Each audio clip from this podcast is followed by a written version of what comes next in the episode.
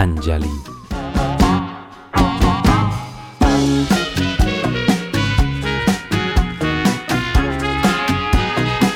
Hola, uh, si t'has perdut i no saps on pares, dir-te que ets al carrer Patanjali, un carrer on la gent parla del ioga de manera informal. A l'episodi anterior vam tractar el perdó com un primer pas per superar un desengany amorós. I el d'avui farem un altre pas endavant i procurarem comprendre per què és clau i alhora tan difícil deixar anar. Quan una relació s'acaba, és possible que ens resistim a aquest final. Una part de nosaltres voldria conservar l'altra persona, gairebé segrestar-la, en un acte entre egoista i heroic, perquè ens agradaria intentar fer entrar aquesta persona la raó, que malgrat ser una raó subjectiva, un mateix la considera gairebé suprema. Procurar retenir és un reflex davant la por a perdre i a un futur obscur. Aquest punt és abastament tractat en diverses lectures sagrades vinculades al ioga. Un d'aquests textos són els Upanishads, un conjunt de lliçons de vida memoritzades i transmeses al llarg de generacions de manera oral per famílies de l'antiga Índia. D'això fa molt, fa voltant de 2.500 i 3.000 anys. Les 13 primeres lliçons es consideren les clàssiques, les Upanishads clàssiques. Després se'n van escriure centenars més. La base dels Upanishads estableix que la ignorància i l'ego ens aferren a la dependència. En el cas de les relacions, a la dependència envers aquesta altra persona. Només al desfer-nos d'aquesta ignorància i d'aquest ego no obtindrem l'alliberament, també conegut com moksha, mukti o nirvana. I aquest alliberament tan sols l'aconseguim amb l'autoconeixement del més profund d'un mateix, nivell de consciència que es coneix com Atman o l'essència que s'identifica a la puresa del cor, del ser humà o de la naturalesa. Camí, per cert, que aquestes escriptures asseguren que no es pot realitzar a través de l'intel·lecte ni de les paraules fruit de l'experiència d'una altra persona, sinó que cadascú ha d'arribar-hi fent camí per ell mateix. De les 13 Upanishads clàssiques, la Isha Upanishad diu que reconèixer la unitat de l'existència ens allibera de la por, del patiment, de la solitud i del ressentiment, conceptes i emocions estretament vinculades al procés pel qual passa una persona que està vivint un desengany amorós. I això que sembla tan fàcil, com ho traduïm? Doncs bé, ho és més del que sembla, de fàcil. Reconeixent que, malgrat ja no som part del dia a dia d'aquesta persona, que era la nostra parella, la continuem estimant. Només l'amor, només el reconeixement de l'estima, ens allibera d'aquesta dependència. Quan ens despullem de tota influència negativa i reconeixem aquest amor pur envers l'altra persona, Només llavors podem desitjar el millor per a aquesta persona, perquè entenem, comprenem que aquesta persona és part de nosaltres, perquè és part de l'essència, del tot, perquè estimant-la, estimant aquesta persona, també ens estimem a nosaltres.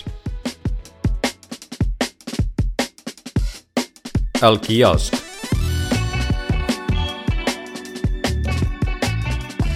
Com es manifesta el benefici que obtinc quan sóc dins una asana?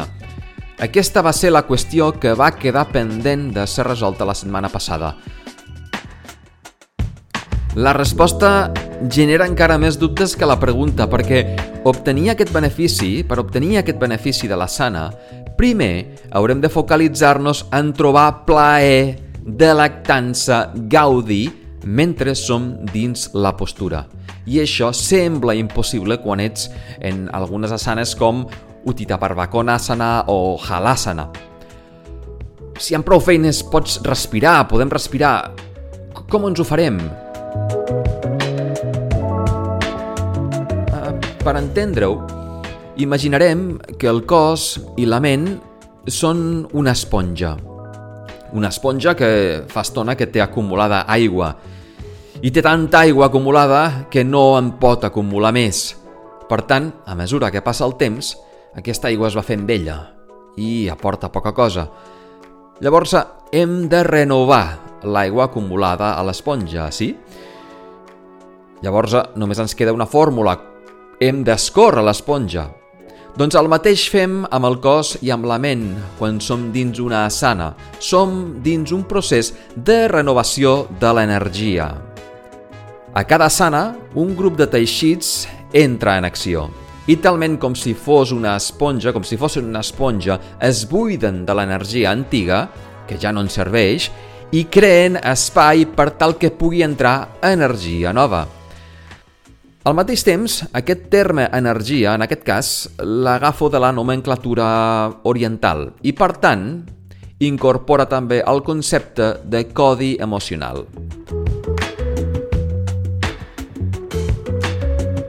Llavors, quan sóc en el procés de renovació d'energia, també sóc en un procés de renovació emocional. Vol dir que ens alliberem d'aquelles emocions que no ens fan cap bé i que ens mantenen en dependències que no ens ajuden a aconseguir l'autorealització.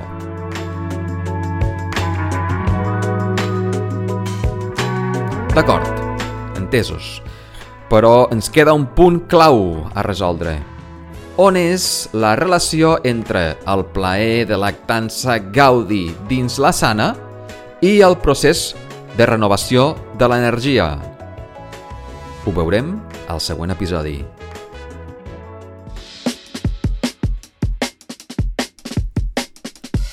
La sana.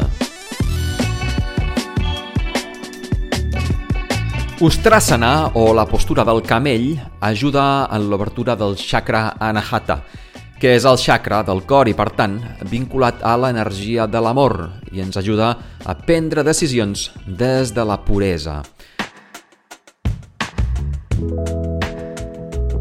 A l'hora de practicar Ustrasana hem de tenir en compte evitar tensió a la zona lumbar, perquè és una postura d'extensió en la qual arquegem l'esquena. Llavors, per tal d'evitar danyar la zona lumbar, primer haurem d'arrelar bé la postura. Podem començar amb un acostament a Ustrasana, com si fos un escalfament.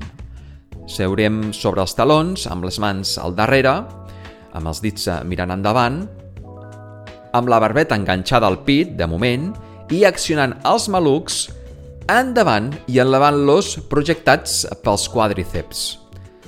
Situem l'atenció al pit, buscant-ne també l'expansió, però sense intentar inhalacions gaire profundes, donat que els pulmons, en aquest cas, són sota una compressió notable i, per tant, intentar inhalacions profundes ens aporta una sensació una mica d'angoixa. Per contra, eh, situarem el focus en buscar, això sí, exhalacions llargues i profundes amb l'objectiu d'alliberar tensió. Després d'aquest acostament, que ens ha servit d'escalfament al mateix temps, entrarem de ple a Ustrasana. Si pot ser amb les empenyes al terra, pressionant, eh, els genolls separats amb una amplada el que seria una mica més de la distància de l'amplada dels malucs. Activarem els quadríceps i sentirem com fan una lleugera rotació interna. També activarem els glutis, l'abdomen i inhalarem en zona toràcica, elevant el pit, amb la intenció de crear espai entre les vèrtebres i més concretament a la zona lumbar. En el moment de l'exhalació arquejarem l'esquena. Les mans buscaran els talons, els quadríceps actius projectaran maluc i coxis endavant i també amunt, i el pit també amunt. Molt important sentir els glutis superactius. Eh? I atenció amb les espatlles. Tendim les espatlles endavant, no endarrere, endavant, per deixar espai a l'àrea cervical. De no ser així, es crea un col·lapse que és molest. Si tendim les espatlles endavant, en canvi, deixem espai perquè el cap es reclini endarrere sense tensionar la zona cervical. Al mateix temps, activem o activarem la barbeta cap al sostre, tot estirant la part frontal del coll.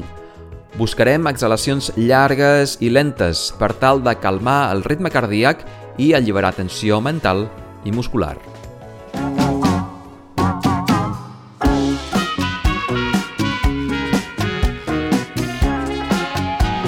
Gràcies per acompanyar-me al passeig setmanal pel carrer Patàngeli. Ens veiem dimecres vinent.